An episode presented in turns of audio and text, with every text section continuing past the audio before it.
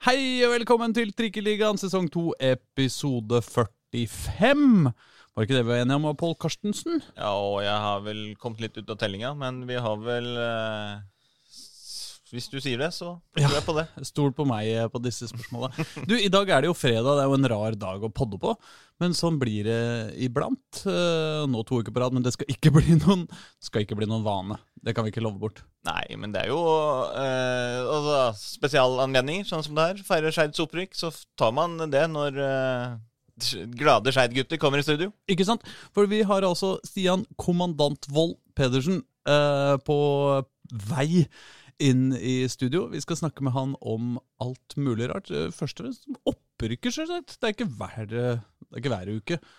Oslo-laget rykker opp til Obos-ligaen. Ja, og for her så har det vært det har vel vært litt Ullern og Frigg opprykk og sånn, men eh, og og Stian nå har jo rykker, rykker jo opp med ganske jevne mellomrom. Ja. Noen nedrykk har det blitt òg, men eh, men det er alltid, alltid kjekt, det. Også, uh, Skeid har gjort en strålende sesong, så de fortjener det. Ja, Så i dag blir det altså ikke noe prat om noe annet enn uh, ja, altså Skeid, Kjelsås og, og Koffa, og uh, der eh, Stian Kommandant Wold Pettersen har befinnet seg. Så heng med, og så får vi prate om han. Og så snakkes vi igjen til neste uke.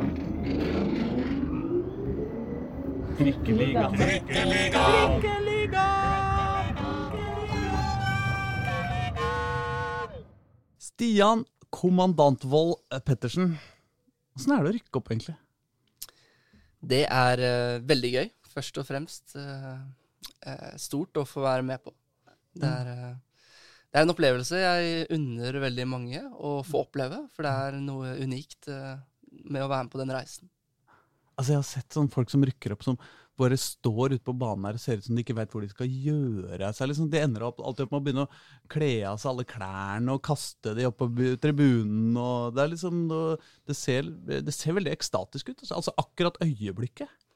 Ja, det er jo Det finnes jo mange måter å rykke opp på, da. Men eh, det er klart, sånn vi gjorde det nå, ja. så, så visste vi jo litt uh, underveis at det gikk veien. Ja. Eh, og Ja, når når, du, når du bikker uh, 7-8-0, da, da, Ja. da, da, føler du at nå er det Obos til neste år for Ja. Skeid. Og når du er måte, avhengig av andre resultater, og du hører fansen eh, rope motstanderens navn der, i den matchen, så veit du jo at det går, eh, at det går veien. Og da Når dommeren blåser av da, så er det en eh, Det er vanskelig å beskrive, men det er eh, Du går gjerne og klemmer nærmeste, du tar av deg eh, litt klær, du kaster luer, og du, du spretter sjampiser, og det er eh, fryktelig mye glede. Da. Hvor, eh, hvor, hvor, hvor, hvor, hvor seint ble det? På søndag? Var det søndag? Nei, det var jo lørdag, Nei, da. lørdag var det. Lørdag. Unnskyld. Ja, ikke sant? Enda bedre? Enda bedre. Ja, da ble det, da, det, Da ble det jo sent Dere på holdt søndag. på en stund. Ja, vi, vi dro jo direkte ned etter en god feiring i garderoben. Så dro vi jo direkte ned på den lokale puben til Skeidoksene, på Magneten der, og, og feiret med dem, selvfølgelig. Mm. Før det var en rask tur hjemom og kasta fra oss eh, treningstøyet og møttes på skjærbanen, da, spillerne. På banen? Nei, på klubbhuset, da. Ja, ja, sånn, ja, ja, ja. ja. Dere tok ikke en ekstra trening? Liksom, Nei, men- det, det, det, det gjorde vi ikke. det, det, Så ille er ikke Gard Holme. At, det, godt jobba, gutta. Nå skal vi ha ny trening. Ja, der, der fikk vi fri fra Gard, faktisk. Og så blei det jo seint i nattetimene, da. ja, det Det ble gjorde det. For det, det er lov å Unnskyld uttrykket, det er lov å drikke seg dritings når du rykker opp. Ja, det er som uh, Gard som sa det. Hvis det ikke er lov uh, nå, så er det vel uh, egentlig aldri lov. Nei, nei. Og det, det at dere tross alt skal ut og reise igjen til helga, det, det er ikke så farlig, kanskje? Nei, Det er jo lang tid, da. Men uh, det er klart vi Altså, denne uken her har jo vært, eh, vært helt normal. Så det, ja, det, det er godt mulig at det var et par spillere som var litt tunge i shortsen på mandag. Men, eh, men, eh, men etter det så har det vært eh, helt normalt. Men det er jo ikke ditt første opprykk heller. Nei. Hva, hva, var det vi, hva var det vi kom fram til? Det er tre, Tre. med Skeid. Det er jo tre med Skeid, men det skal jo sies, jeg skal ikke ta all æren for det første opprykket for ti år siden. Nei. Jeg, jeg spilte jo ikke så mye den sesongen. Nei. For det var jo da jeg var i, på vei opp fra juniorlaget til A-laget. Mm. Mm. Så jeg var jo Ja, jeg bidro jo litt på treningsfeltet, men, mm. men jeg vil jo ikke kalle det et eh, fullverdig opprykk. Det, så langt kan jeg ikke dra det. Nei. Men jeg har jo vært med på tre, da. Det kan du jo si. at Ja. jeg har vært. Men, men, eh, men har du, du har rykka opp med noen av andre klubber, har du ikke det? Nei, Å, nei, det var ikke det Der, Nei, da- eh, Vi fikk eh, første sesongen til Jørgen Isnes i Koffa i 2017. Og så gikk du vel til uh, Skeid året etterpå, Har det Ja, ikke så? stemmer, Så stemmer. du- unngå opprykket der i Koffa. Men Ja. da fikk du vel det, det var vel samme sesongen som Skeid rykka Det var jo da Skeid rykka opp, da. Så det var jo eh, liksom Koffa. vanskelig å rykke opp med begge altså, Du kunne jo gått Hadde gått i, i sommeren der, Ja. så hadde du kanskje fått med ha, første halvdel Ja. av sesongen da Koffa rykka opp, og siste halvdel av Skeid Det er godt poeng, opp. faktisk. Så da kunne du fått to opprykk på samme Ja. sesong. Det er helt riktig. Så det burde, du burde utsatt, utsatt den, der, eh, den overgangen med et halvt år, slik Ja. at du får ikke med begge, begge opprykkene der. Det er et godt poeng. Altså, det er bare en uke siden vi hadde Thomas Holm her. Han fikk Ja. jo både gull og Sølv. i, serien, i Eliteserien ja. samme sesong. Ja. Det også er spesielt. Det, det, det syns jeg du ja. Men to opprykk ett år hadde vært bra altså. Ja. Nei, men for du har jo altså Jeg har prøvd å se gjennom karri eh, karriera di. Ja. Og du har jo, eh, etter hva jeg kan skjønne, aldri spilt en eneste hjemmekamp utafor Oslos eh, grenser. Nei, det kan du jo si. Altså, du har spilt i, eh, i Skeid, og så i Kjelsås, og så i Koffa, yep. og så tilbake til Skeid. Yep. Det, altså, det er jo For oss som lager podkast om Oslo-fotball, så er det jo altså en drømmegjest. Ja. Du, du har aldri spilt fotball utafor Oslo. Nei, det, det stemmer. Hvorfor har det blitt sånn?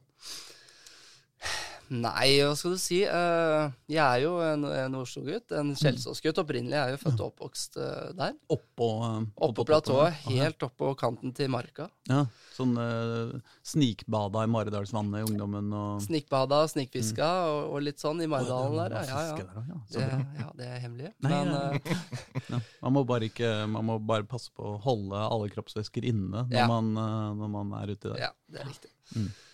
Så, så jeg startet jo min karriere i Kjelsås. Mm. Det gjorde jeg. Og, og så spilte jeg der fra jeg var guttespiller. Så ble jeg henta til Skeid Mm. av uh, daværende trener Øyvind Eide til gutter 16-laget til Skeid. Oh, ja. Det var jo uh, kanskje Norges beste 91-årgang. Mm. Vi hadde jo spillere som Flamur Strati spilte der, Omar, Ikke sant? Det var den gjengen der. Mesut Chana uh, har spilt der. Ja, så det var en fryktelig god årgang. Ja. Eh, så var jeg jo der i noen år, til eh, 2000, og, hvor jeg var med på det opprykket. da, Ble Mm. tatt opp på A-laget Mm. eh, i 2008. Og spilte min første sesong i 2009, da. Mm. Adeccoligaen. For sant? Ja. Og så gikk ferden videre til, tilbake til Kjelsås i Mm. 2011. Mm. Hvorfor det? Det var litt økonomiske problemer i Skeid. Ja. Det var mye utskiftninger av spillere og den biten der. Eh, og vi fikk ny trener og, og, og sånn, og så kom Kjelsås på banen. Mm. Men hvor var Og- Kjelsås eh, hvor, hvor, hvor lå Kjelsås da? de lå i, i andredivisjon. Andre? Ja, Mm. de var sånn midt på, men, men de hadde en del, en del bra spillere. Mm. Så det var jo et uh, prosjekt jeg syns på da, den tiden var, var hakket bedre, da. Mm. Men var det Mathisen-tid? Nei, Stig hadde jeg i ett år i Skeid, i 2010. Oh, ja! Det var siste året Ja. jeg var i Skeid. Ja. Men eh, det var Jan Aksel Odden som hadde Kjelsås ja. i 2011. Ja. Når jeg gikk dit. Tok det ikke så lang tid før du fikk Eirin Kampen som trener heller, for han tok over over i 2012. Det stemmer. det stemmer. Så- eh, Eivind Kampen kjenner jeg jo kjempegodt. Han var jo assistent når jeg kom. Mm. Men han tok jo over etter hvert, så han hadde jeg jo i mange år, fram til 2015. da. Mm. Uh, hvor KFM gjorde det så bra at de rykka opp. Og etter sesongen der så ringte Ståle Andersen meg og ville Mm. ha meg med i Obos-ligaen i- for KFM da, Mm. 2016. Det var ganske nice. Ja da, det var gøy. En, en liten fun fact her er jo Når jeg skrev under for Koffa, så var jeg da tidenes første spiller på profesjonell kontrakt i Koffa. Oi. Oi!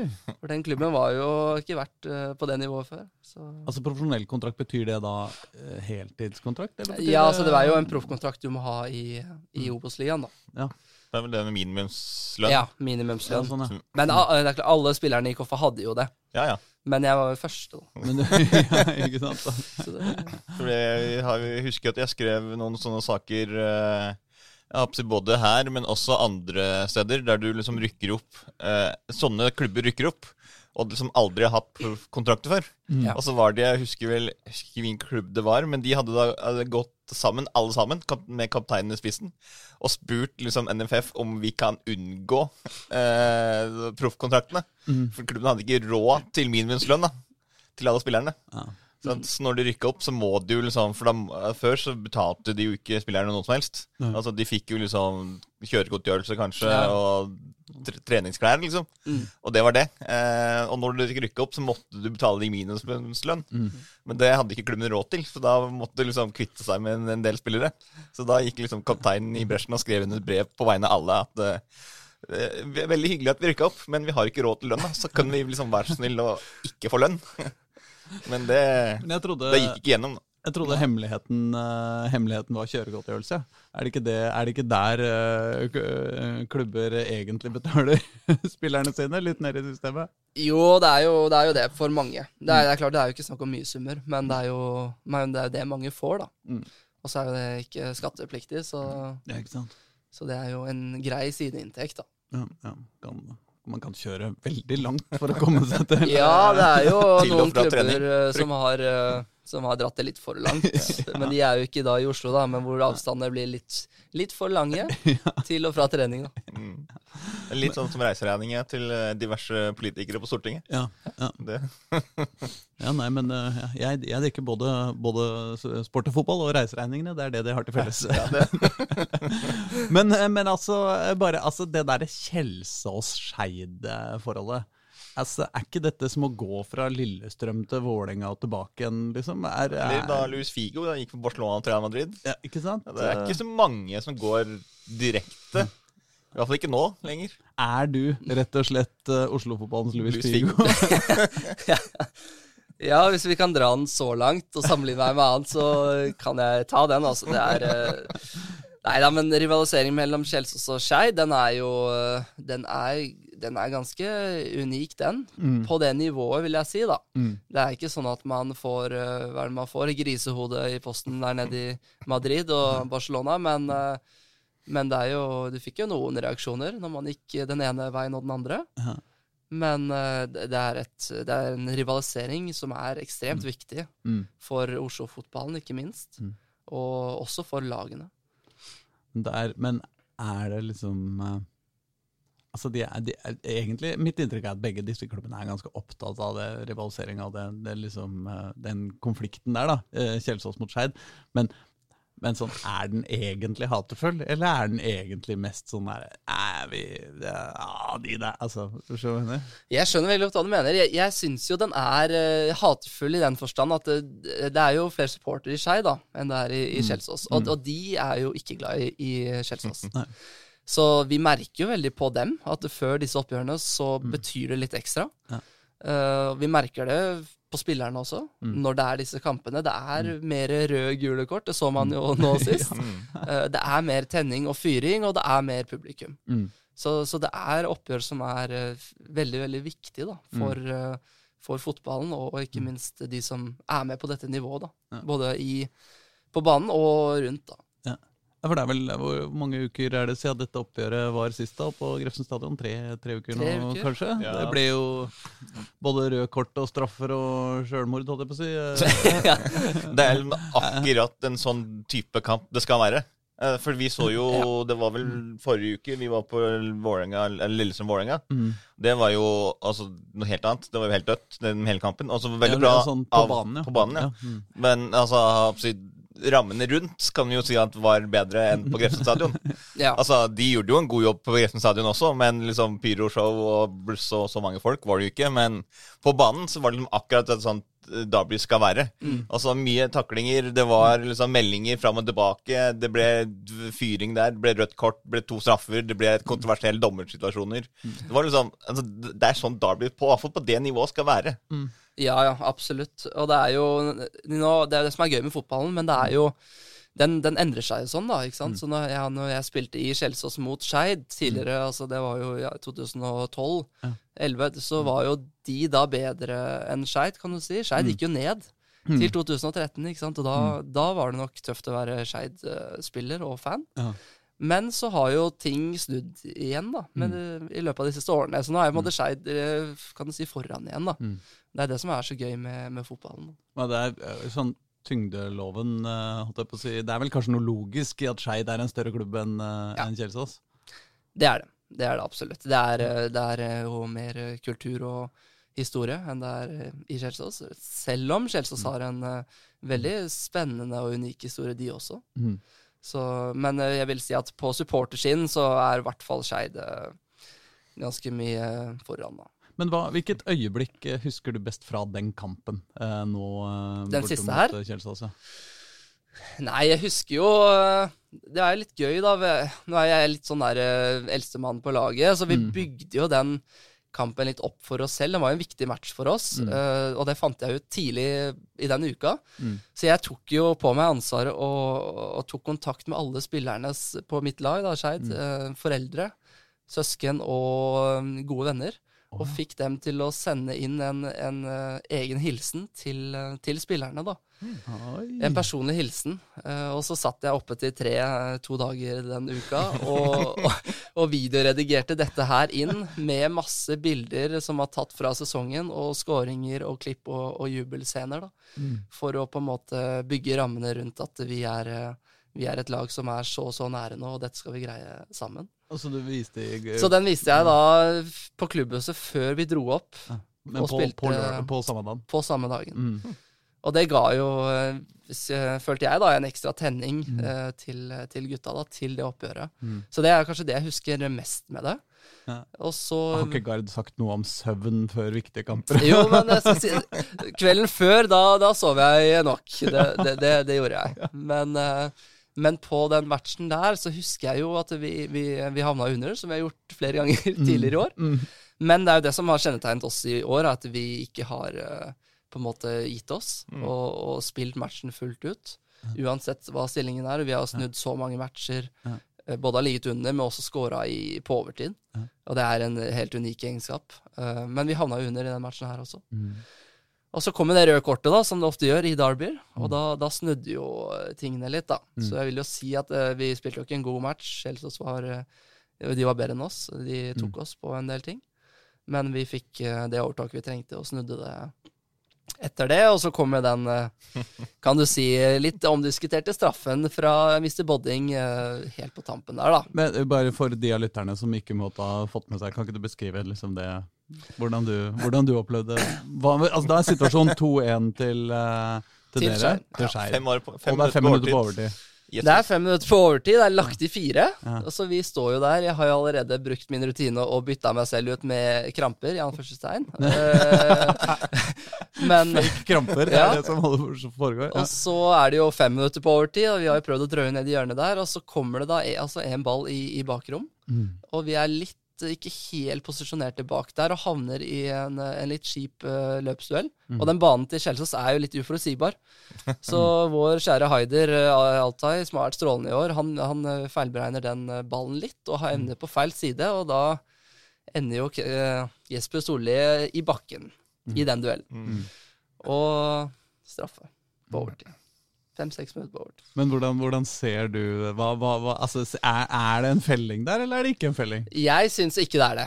Nei. Det syns jeg ikke. Og selv ikke, etter å ha sett det på video, så Mm. syns jeg den er fryktelig tynn. Jeg mener det er mer eh, Ikke sett med Skeid men jeg Mm. mener det faktisk er større sjanse for at han kunne blåst til Skeid Ja.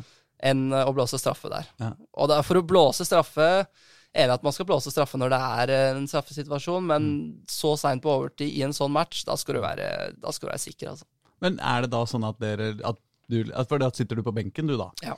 Eh, Er det da sånn at du liksom klikker på eh, Jesper, liksom? Som eh, Nei, altså Jesper har jeg et veldig godt forhold til. Jeg har spilt med han før. Han er en fantastisk fyr. Men på banen der så er han litt ekkel. Og han var jo litt ekkel i den matchen også, så jeg har jo tatt en runde med han i etterkant. Og... Hvordan var han ekkel, var han ekkel mot mot deg òg? Nei, nei ikke, mot, ikke mot meg, men mot, mot oss. Mot Skein. Hvordan da? Nei, det var mye meldinger der, mye slibrige kommentarer og og Sånn, sånn liksom mens det går forbi? Liksom, Ja, og- sånn at dommeren ja. ikke skal høre det? Ja, ja. Hva sier han da? Litt under match, og nei, det er liksom Jeg håper at det drittlaget her ikke rykker opp, og Ja, sånn, dette digger meg, og de fortjener ikke det her, og sånn, da. Så men, eh, men ja. Åh, det, er, det er vanskelig å ikke dra en uh, Zinedine Zidane uh, da, eller? Ja, det er jo det. Hadde jeg vært på banen, kunne jeg liksom. vurdert det, men det, det var jeg dessverre ikke. Det er bare viktig å ikke, ikke ta det inn i, inn i, Ja. inn i straffefeltet. Ja. Men ehm, Men eh, eh, dere, dere Så det, det blei jo uavgjort. Og det var jo et eh, nyttig poeng, det også. Så, Ja da, så sånn sett så, så gikk det jo greit for dere.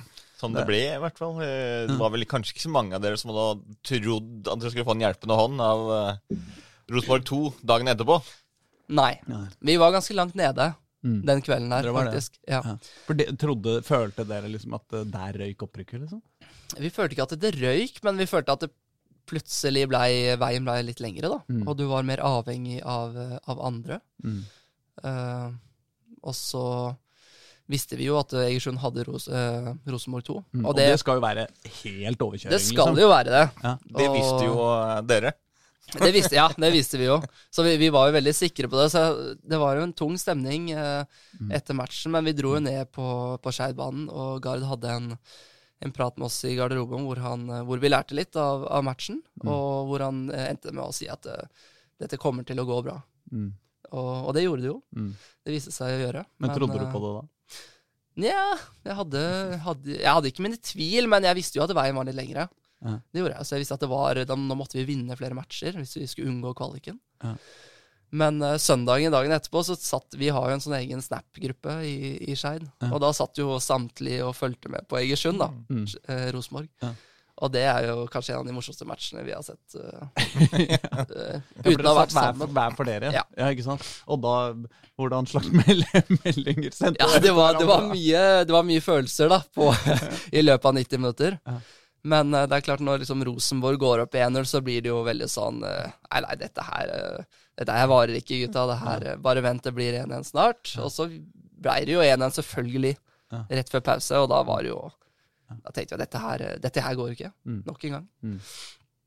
Men så skårte jo Rosenborg igjen, vel, rett etter pause. Det, men det var jo en helt eh, surrealistisk match. For de endte opp med å vinne 6-3 eller et eller annet sånt helt 6-3. dust. Men det var jo liksom Det eh, dårligste laget mot det nest beste laget i ligaen. Så det er, men det er jo Altså, det er en match jeg, jeg sjelden har sett før, da. Mm. Men eh, det skal sies at Egersund angrep jo med en balanse jeg heller ikke har sett uh, på dette nivået før. Mm. Så de kan jo takke seg selv. Ja. ja, for de sendte alle, alle mann i angrep, liksom. Ja, altså de Samtlige skåringer blir de jo kontra på og må Ja. forsvare seg med, med, to, med to forsvarsspillere. Og, det, og Rosenborg er et fantastisk kontringslag. Det er de, den gode på. Mm. Og det, det var jo det de tok dem på, på Mm. der oppe.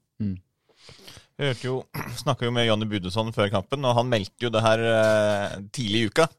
At det her liksom eh, Slapp av, gutta. Det her går, går, det går, går greit. Ja. Ikke noe å bekymre seg for. Mm. Så har han vært litt sånn ja, Greit at han fikk rett på den. da Kan du slå den, slenge den i bordet? Ja, Jonny P han, han eh, kaster mye opp i lufta, så er det ikke alt han treffer på. Men, eh, men, det, er, eh, men det er mye han treffer på. Og Altså. det er viktig også bare påpeke det de gangene han treffer. Ja, ja. Den- ja, ja altså, absolutt. sånn, det er jo Jeg vil ikke tro at han kommer til å dra det her fram sånn ufrivillig hvis han har tatt feil. Nei, nei, nei. Absolutt ikke. Ja, altså, Det er vi ganske gode på her i, her i Trikkeligaen. Å ta de gangene vi treffer. Eh, Vi eh, skrøt jo mye av Budesson som, eh, som eh, målkongen eh, Ja. tidligere i sesongen. Og så, og så satt vi her og diskuterte at ja, ja, men samtidig så er det så mye bra spisser bak en i kø nå. sånn at det er ikke, de er ikke egentlig så avhengig av han heller. Så blir Budesson skada, og så dukker Abel opp og bare bøtter inn mål etter det. Altså det, det er noe av det rareste jeg har sett. det sånn egentlig. Altså Bortsett fra at vi, vi calla det, men det var ikke jeg som gjorde det. måte. Men, eh, men å ha en, en, en spiss som er altså så altså på en måte overlegen da, i, eh, i eh, ligaen sin, skårer masse, masse mål, og så blir han skada. Dere må ha blitt litt bekymra da, da Jonny ble skada? Ja, jeg har jo pleid å si det til Jonny. Du er jo aldri skada. Selv om han er jo litt eldre, Mm. så syns jeg det er rart, for du blir jo ofte skada. Mm. Men uh, han har jo holdt seg veldig skadefri i, i lang tid, og det er klart han er jo har jo vært en helt utrolig viktig brikke for Skeid, og kanskje den vi på en måte har stolt og lent oss mest på. Ja. Så det er klart, eh, eh, når han røyk der med den skaden som vi ikke trodde, så var det ganske tung stemning i laget. Ja. Fordi det er liksom Vi hadde jo Vi så jo ikke for oss at vi hadde noen som bare skulle komme og fylle de skoene som, som han gjør, da, Nei. for oss. Mm. Så det var, eh, det var jo en eh, litt spennende periode. Ja. Og selvfølgelig tungt å miste Jonny fra treningsfeltet, for han bidrar eh, så utrolig mye på mange områder. Mm. Eh, Men så dukket jo denne Abel Stensrud opp, da. Ikke sant? Og Abel er en fantastisk morsom eh, case. eh, morsom eh, person og, og spiller. Han, det her er jo et eventyr, Mm. rett og slett. Det vil jeg si. Og det startet jo med at han på en måte ikke fikk spille så mye i år. Mm. Mm. eh, I starten. Men, men han, når han kom inn, så skårte han jo. Mm. Men han eh, hadde jo ikke startplassen. Nei. Så når han begynte å spille og bøtta inn kamp etter kamp, som han gjorde, så var det nesten som vi ikke trodde våre egne øyne. Men samtidig så er jeg ikke, jeg er ikke så overraska heller. For at han har noe eh, helt spesielt ved seg i, i avslutningsferdigheter, og en X-faktor der som du ikke finner veldig mange steder i, i Norge. Da. Det så vi jo godt i den siste kampen også. Eh, og ikke bare det. Altså, du så jo avslutningsferdigheten hans når han skårte eh, seks mål der mot eh, Rosenborg 2. eh, sju med det sjølmålet. Eh, altså, han var flink til å posisjonere seg inne i boksen. Altså, han altså, god til å avslutte. Ja. Men, men det som var liksom veldig tydelig i den kampen, var at når dere kanskje andre begynte å slakke litt av der kanskje på 6-7-8-0, så var det sånn han sånn, Nei, nei, vi må skåre flere mål. Jeg skal bli toppskårer. Så han endte jo opp med, med, med seks mål der, og nå er han jo suveren toppskårer før den siste, siste kampen. Ja, altså det er jo Det er jo helt sinnssyke tall. Og det er jo som jeg, altså, det er uten sammenligning for øvrig, men det er jo litt Haaland-takter over det her. Hva da, Unnskyld, men er han, er han toppskårer i ligaen? Ja, ja, i andre divisjon, ja. Ja, men han har jo ikke vært Han har jo ikke spilt Han har ikke spilt så mye kamper. Nei, men det, han trenger ikke det, han, vet du. Han har jo 23 mål nå, så det er Helt sjukt. Ja, det er jo helt, det er jo helt spinnvilt. Det, er- det er på en måte bedre å ha en uh, Jonny som uh, tross alt er litt oppe i åra, så vi veit at han forsvinner ikke videre. Abel Stensrud, hvor gammel er han nå? Ja, 19 år. 19, ja. 19, ikke sant? 19. Og det, det var jo det jeg altså Jonny også sa. Liksom, selv om Abel har gjort det bra, så trenger ikke jeg frykte for plassen min. For gjør han det så bra, så kommer ikke han til å være her lenge. Så da får jeg den tilbake igjen. Ja, ja. Så, det, Ja. så det var ikke han så veldig bekymra for, eh, Budson, når jeg snakka med han om, eh, om han frykter for liksom, den spiseplassen. Det var eh, Nei, det er mer det å få plass til begge to, da, hvis de skal spille. Uh, og så har du jo Gabriel Andersen i bakhånd der også, som er jo en veldig spennende spiller. Så det er jo et, eh, det er ingen, et luksusproblem for Gard, vil jeg si. Det har vært viktig ja, nå de siste kampene. Skårte jo mye eh, altså, Mot Egersund, borte der, så kom han jo inn og så snudde eh, kampen han ikke han på, på, bare på egen, egen hånd. Mm. Men han har jo også levert mye bra, viktige mål for dere i slutten av sesongen. Så det er jo Ja, det er jo det som har vært så gøy da med det, det året her, og den, det laget vi er. At på mm. man- det er så mange som har bidratt på forskjellige måter, da. Mm. Ikke sant? Og det har jo ført oss dit vi er, da.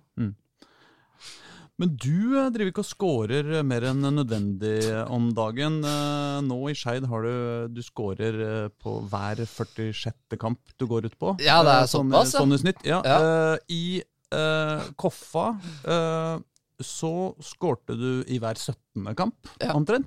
Men eh, da du spilte i Kjelsås, så skårte du jo hver, tredje, hver fjerde kamp. Ja. Da hadde du 23 mål på 91 kamper. Ja. spesielt målfall i den 2014-sesongen der, med ni mål på, på 22 kamper. ja. Så Stemmer. Det er kanskje min beste sesong, eh, egentlig, faktisk. 2014-sesongen. det som er litt gøy, er jo at Mm. hvis vi legger sammen alle sesongene etter han forlot Kjelsås, Mm. så har han altså ti mål på seks sesonger. Mens bare i den altså 2014-sesongen så hadde han jo ni mål alene. Så hva, hva, hva skjedde egentlig Altså, var du egentlig satt opp som en skjult spiss, eller hva? Nei, jeg var jo mer eh, I mine yngre dager, vil jeg si, var en mer bakromsspiller, da. Mm. Og, og Kjelsås var på en måte gode på, på det. Mm. Og, og spille, spille, spille folk i bakrom. Det, det var en pen måte å si det på. Ja. Så hadde jeg en en Jeg må jo gi litt skryt til Julian Stamsø Møller, Mm. uh, som spilte, på, spilte foran eh, og ved siden av meg da, på den tiden der. Mm. Hvor uh, vi hadde en utrolig god connection. da. Mm. Så det blei ble mye mål uh, gjennom han. Mm. Eh, men eh, jeg har jo spilt mer eh, kan du si, forsvar, da. Det skal Ja. til mitt forsvar i, i denne casen her. Men eh, at eh, eh, Ja, jeg gikk jo lenger og lenger bakover på banen Ja. med årene. Det er liksom eh, en ganske vanlig, um, vanlig ting, det tross alt. Og Ja, ja. Han begynner, begynner foran, og så trekker man bakover og bakover. Ingen som gidder å være, ingen som gidder å være forsvarsspiller når man er eh, Nei, 17, liksom. nei, altså, nei. Gard har jo gjort meg om til stopper, da, nå. Mm.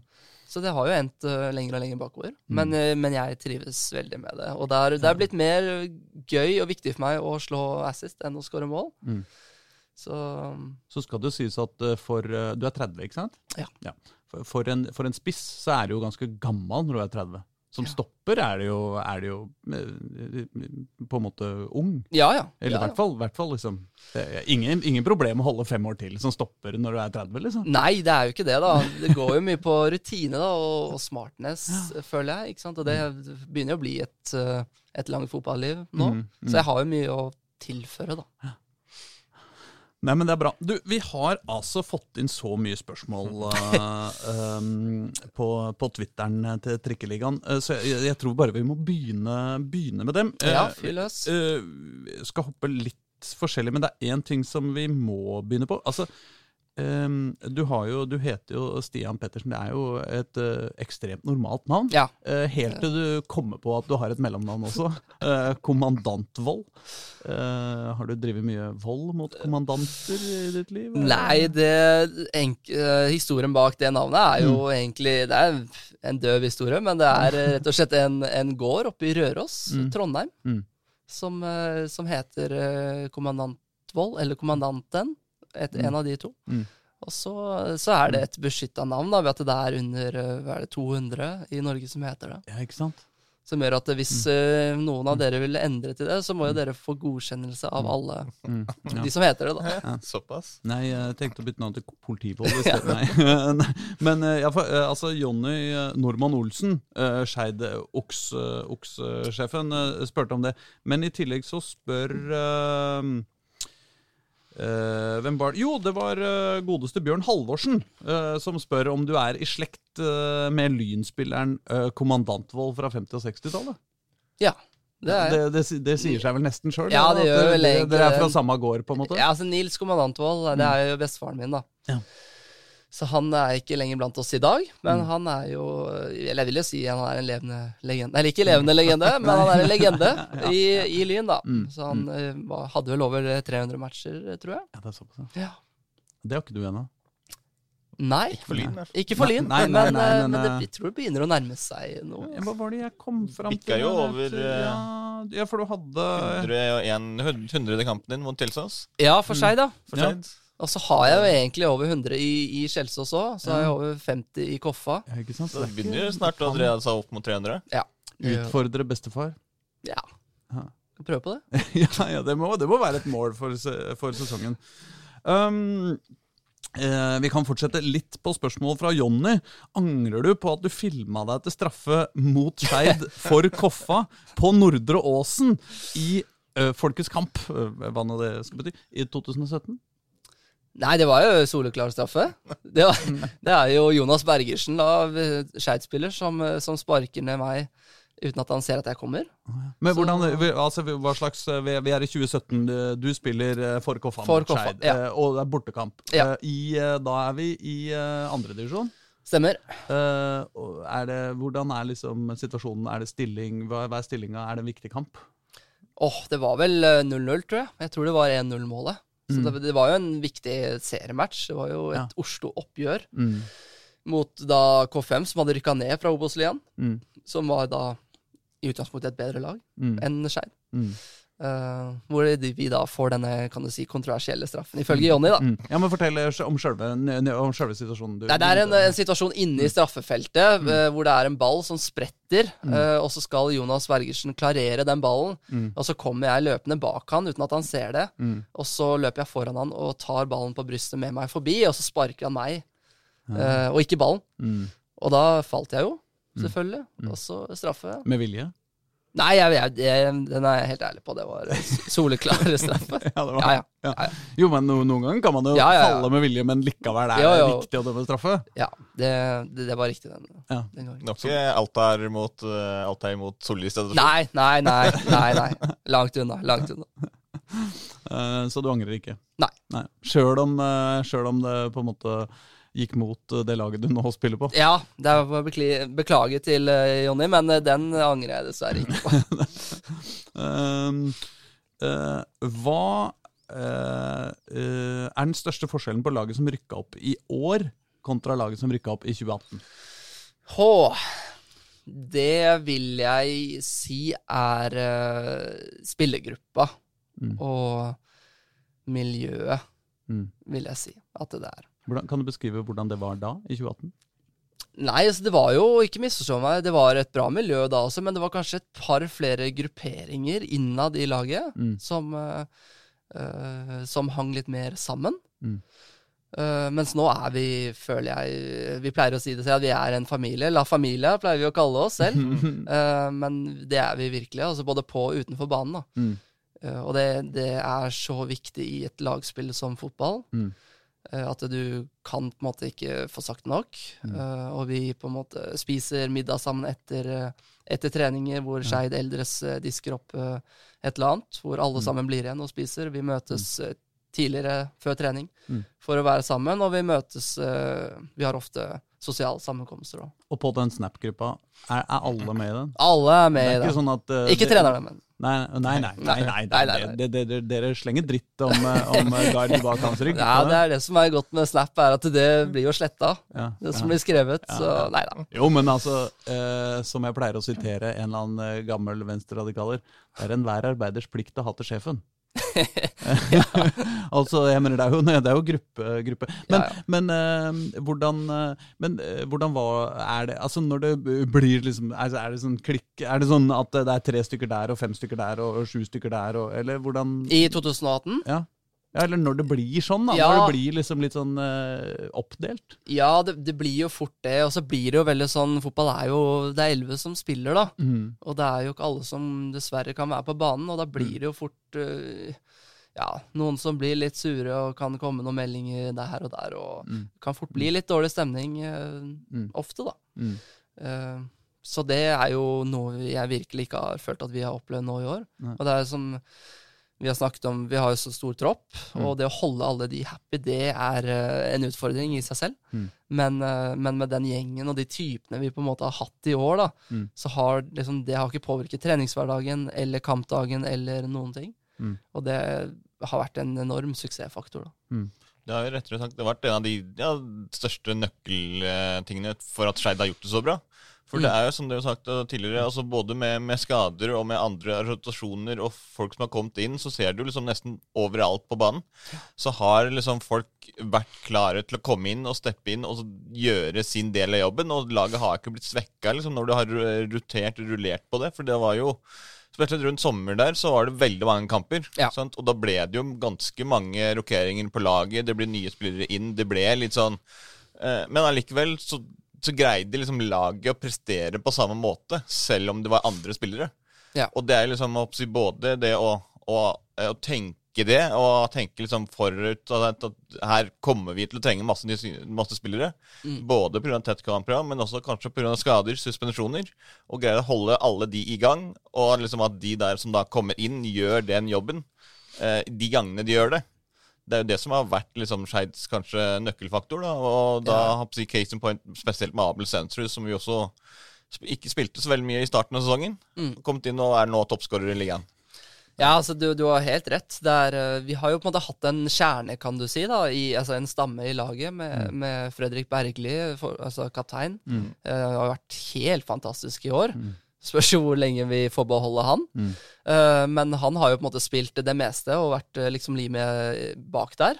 Mm. Og så har vi hatt uh, Simen Hestnes, som jeg også er usikker på om vi får beholde, dessverre. Mm. Men uh, helt fantastisk fyr både på og utenfor banen, og ekstremt viktig for lagets del. da. Mm. Eh, så de to har jo på en måte vært bindeleder for at vi har holdt nullen vel 13 ganger i år, og sluppet inn 21 mål, tror jeg. Eh, og så har du på en måte hatt Jonny foran der. Eh, sammen med Øystein Vestvatn, som også Kanskje den bidragsyteren eh, på utsiden av banen som er viktigst for oss. eh, ja, hvordan med, med det så, Nei, Nå altså, ser jeg jeg du begynner å smile. Ja, sånn, men- eh, du, den- nå kom du på en historie, liksom. Nei, men den fyren der, Øystein Vestvatn, altså, han har vært med på så utrolig mye, da. mm. opp igjen. Og det er mye opprykk, det er mye nedrykk, det skal sies. Jeg pleier jo å, å, å eh, ja, pushe det på han òg, at du har ikke bare rykka opp Vestvatn. uh, men eh, det han bidrar med av på en måte kontinuitet og på en måte standard i treningshverdagen og humør i spillergruppa, og det å ufarliggjøre på en måte viktige matcher og den biten der, det har vært helt uvurderlig for oss. Eh, og å gå på en måte foran da, i, i de litt større matchene, der har uh, han vært ekstremt viktig. Er det ikke egentlig enda deiligere å eh, det, det er bare én følelse i fotball som er bedre enn å rykke opp, og det er å akkurat ikke rykke ned. Nå, jeg har ikke opplevd å akkurat ikke rykke ned, tror jeg. Jeg har et par nedrykk, dessverre, men, uh, men jeg kan se for meg at det også er digg. Men, men jeg, vil, jeg vil legge et uh, opprykk foran det, altså. Ja, ja, det, det, det, altså fordi eh, jeg, jeg er jo Vå- Vå- Vålerenga-supporter. Jeg har vært med på en del opprykk. Ja, noen av de har vært eh, veldig fine. Uh, Noen av nedrykka har vært veldig tynne, tunge. Men, men sånn når du når, du, når det er i kvalik og, og redder deg på overtid fra å rykke ned, det, er, det er faktisk eh, det, det, det burde du prøve. Ja, du jo, jo, men eh, herregud. Kanskje neste år er en mulighet. Ja. Nei da, nei. uh, men vi skal gå uh, Vi må ha vi, Det er så mye spørsmål, vet du. Um, en, eh, en fyr du eh, um, vel kjenner, eh, som heter Terje Kirsebom. Teddy, ja. Teddy Kirsebom, uh, Ullern-keeperen. Ullern-keeper. Han eh, spør eh, et komplisert eh, spørsmål med mange innskutte bisetninger, men det er greit. Hvor mange Kjelsås-Skeid-derbyer har vi spilt sammen? Hvilket lag spilte vi Det er en slags quiz, dette. Hvilket lag spilte vi på? Hvordan gikk kampene? Og hvor mange av dem scora vi? Ja, den er litt vien Men eh, det er klart, det, det der fikssystemet tilbake i tid er ikke like, like solid som det er nå. Nei. Den dag i dag så er ikke all informasjon som ligger der, vet jeg. Men eh, det jeg husker av Teddy Shishibom, det må jo være 2014-sesongen. Mm. Da spilte vi jo sammen. Da mm. skåra jeg faktisk for Kjelsås mot Skeid. Eh, I bortekampen avgjorde 0-1 Ah, på en stupheading. ah, Eh, Og så vant vi tre hvordan, hvordan, fortell, fortell. Ja, det var et innlegg fra, fra vår venstre kant hvor jeg kom løpende fra kantposisjonen min og stupheada. Er det en overgang, eller er de liksom i, Ja, det i etablert en- spill? Nei, det var en overgang. Ja. Så det var, eh, det var gøy, da. Det var, det var stort for meg den gang da. Ja, Men, eh, men også vant vi 3-1 vel i hjemmekampen, og Mm. da skårte jeg også. Mm. Og da spilte jo Teddy. Uh, året etter så lurer jeg på om jeg sto over den ene matchen. Uh, men da spilte Mm. vi uavgjort den kampen jeg spilte hvor Teddy sto. Mm. Så jeg vil si at vi har to seire og en uavgjort. Jeg og Teddy, hvor jeg scora to. Dette, dette er riktig. Er det riktig? Ja. Uh, ifølge Teddy, da. Ja, ok. ja, ok, ja, altså, ja, ok, jeg, jeg, har- fått en fasit. Ja, ja. Han, eh, han må selvfølgelig skryte og si at han har seks og aldri Ja. tapt. Uh, 3-3-0, mens dere har tre sammen. To seier og én uavgjort. Og at du scora i 3-1 Ja. og 1-0 eh, i eh, 2014. Eh, han var også sikker på at du kom til å huske den stupheadinga. Um, um, Idar Nordby Lysgård Nei. som vel er ja, på keeper også, i Mjøndalen. Han er heit om dagen, da. Ja. Uh, han spør uh, Har du mista kontroll som botsjef i Skeid i år. Uh, og hvor går eventuelt en bottur i år? Ja. Er det, det er du som er botsjefen? Eller var du det? Ja, jeg er. Ja. Jeg har vært nå i tre år. Mm. Ja, Kan ikke du beskrive det for, eh, for lytterne? Hvordan fungerer det botsystemet i Skeid? Botsystemet i Skeid det har eh, utviklet seg med årene. Ja. vi hadde et botsystem i 2018, Uh, og det gikk greit. I den, men da var det litt kranglete? ja, det var litt kranglete der, men eh, helt- det toppa seg i 2019. Og det skal jo si, Da hadde vi et botsystem da òg, i Obos-ligaen. Mm. Men det koll kollapsa på en eh, tung regndag eh, oppe på NIH, hvor det blei litt mye krangling og litt Vipps-krav som eh, ble nekta hvordan, å betale. hva, hva, hva hadde skjedd? Nei, det var mer at de eh, var ikke enig i bøtene de fikk, da. Men hva var bøtene? Uten å oute noen spillere. Det Det var, nei, det var alt fra for sent komming til eh, Mm. ikke betalt til uh, unødvendig gule kort. Å oh, ja, det er det ja. man får bøter for det, ja. ja, ja, ja, å herregud, vi har jo så mye bøter. ja hva, det, hva var det rareste man får bøter for, egentlig? Nei, du har eh, Kanskje ikke det rareste, men den, den vi drar inn mest på, er at vi Mm. må levere et skjema etter denne koronaperioden. Så må vi alle levere et skjema hver dag. Hvordan vi føler oss, hvordan man har sovet, og om du har hatt Hver dag? hver dag før klokken eh, tolv. Og hvis du ikke leverer i det hele tatt, så er det også bot. Ja. Hvor, hvor mye er bota på? Det er 25 hvis du ikke leverer uh, før tolv. Mm. Eh, og så er det 50 kroner hvis du ikke leverer i det hele tatt. Mm. Og så har jeg innført noe som heter hot week, som det vil si at det er doble bøter en den første uka i måneden. Så da blir det hundrelapp da, hvis du ikke leverer i det hele tatt. Men er det sånn at uh, de, man får bøter også for uh, sånn dårlige prestasjoner på banen? Hvis du blir tatt eh, luka på, på kamp, eller er det sånne type ting? Ja, altså, ja det er jo det er luke på trening, men det er, det er nesten som å måtte sett hele den botlista. Men uh, den har blitt enormt kul da, Mm. i løpet av den tiden her. Eh, men det er alt fra å surre på trening hvis du ikke tar på feil, feil trøye når trenerne leser opp, hvis du velter en skjegle eh, i en øvelse, er det bot. Hvis du skyter over nettet, den er jo en av de bedre. Du skyter over nettet? Skyter, skyter over nettet på Nordre Åsen. Altså ikke oh, ja, sånn ja. Selve altså, eh, sikkerheten, eller sånn Ja. nettet som skal Hvis du, hvis du bommer så grovt at den går over der, da, Ja. og treffer skeidhuset, så er det ja, fort uh, en stygg bot. Mm, en stygg? Hvor mye da? Nei, det er 35 per skudd, så 70 da i, hot week. Men så har vi altså, Du har alt fra selvmål, du har som jeg sa, noe vi kaller surr under trening. eh, hvis du surrer. Og, og altså, ivrig bot, du har forsentkomminger, du har unødvendige gule kort, du har urinering i dusjen, du har sølebot. Ja. Du, ja, du har, du har kan- det meste. Altså. Jeg kan liksom tenke meg at hvis man syns at du er jævlig kul, liksom, og tenker at ja, Stian altså, han er funny fyr, nå har han lagd enda en tullete bot, så er dette veldig gøy. Men hvis man syns at du er han irriterende, ganske bossete fyren på Ja, ja. laget, liksom, så, så kan det godt tære litt på å få bot for surre på Ja. trening, liksom. Ja, men det er jo det som har vært utfordringen, da, å legge seg på en måte på et udruelig nivå, da, Ja. med, med måte, altså, botprisene, da. Mm. Eh, men så vil jeg jo si at spillergruppa også, typene, på en måte, de er jo med på det her, og de syns jo det er fryktelig gøy, da. Ja.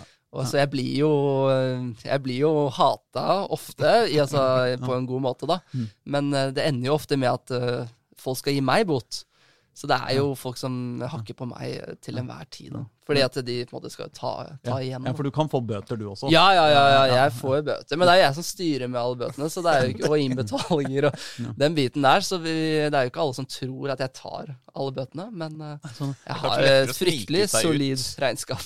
Ja, Det er kanskje lettere for deg å snike deg ut. Ja, ja, du, du kan tro det, men, eh, men jeg er en ærlig fyr. Også, så. Men det er sånn at du da etter hver trening basically, så setter du deg ned med Vips på telefonen, og så sender du ut ok, da skal vi ha, der skal det være 25, der skal det være 50, der skal det være 35. Ja, nesten. Sånn. Vi har innbetaling en gang i måneden, da. Så vi har jo en egen app til dette som heter Pay the Hippo. eh, hvor jeg da er jo da hippoen. Hvor jeg har alle spillerne Ja, ja. Hvor jeg har alle spillerne nedover, og så går jeg inn da etter trening, og så huker jeg av alle som eh, har dratt på seg en bot. Ja, hva, hva, hva, hva kan man risikere i løpet av en måned? Liksom? En, en sånn litt dårlig måned, men ikke helt krise? Liksom. Litt dårlig måned, mellom eh, 1000 og 1500. da? Ja, ja. Da har du hatt uh, en tung måned, vil jeg si. ja, og så er det jo da 25-25 spillere i troppen, da. Ja, vi er jo fort til 30, Ja, fort 35, vi, da. 35, ja, ikke sant? Ja, her så ganger opp det med inn juniorspillere og det som er, altså. Ja, så det burde jo bli, eh, det burde jo bli en halv million det eh, på et år. Nei, vi har Ja. Nei, ikke, ikke så mye, men vi har jo faktisk henta inn eh, I år så endte vi, endte vi på rundt 140 000. ja, ikke sant? Ja. Og hva, hva bruker dere de penga til? De går til en borttur. Mm. som vi skal dra på nå neste uke. Å ja. Og det er, eh, etter siste kamp? Mm. etter siste match. Ja, hvor, eh, hvor går det, da? Nei, det er litt funny. Vi skulle egentlig til Amsterdam. Det starta jo med Las Vegas, men vi fant ut at det, det når vi ikke. Så vi drar til Amsterdam, Mm. eh, og hvor vi kanskje hadde lyst til å prøve å få med oss Norgematchen. Mm. Uh, men så Den ser ut til å gå uten uh, Den går uten tilskuere, dessverre. Og så har jo Der har man billetter, selvsagt. Åh, Så der eh, Selvfølgelig. kommer man ikke Nei, vi sitter jo fortsatt i håpet da, om at den der eh, pressekonferansen i kveld skal gi oss en liten mulighet. Ja. Jeg fått, fikk, tidligere i dag så fikk jeg mail fra hotellet som var ja, vi ser veldig fram til at du kommer på besøk.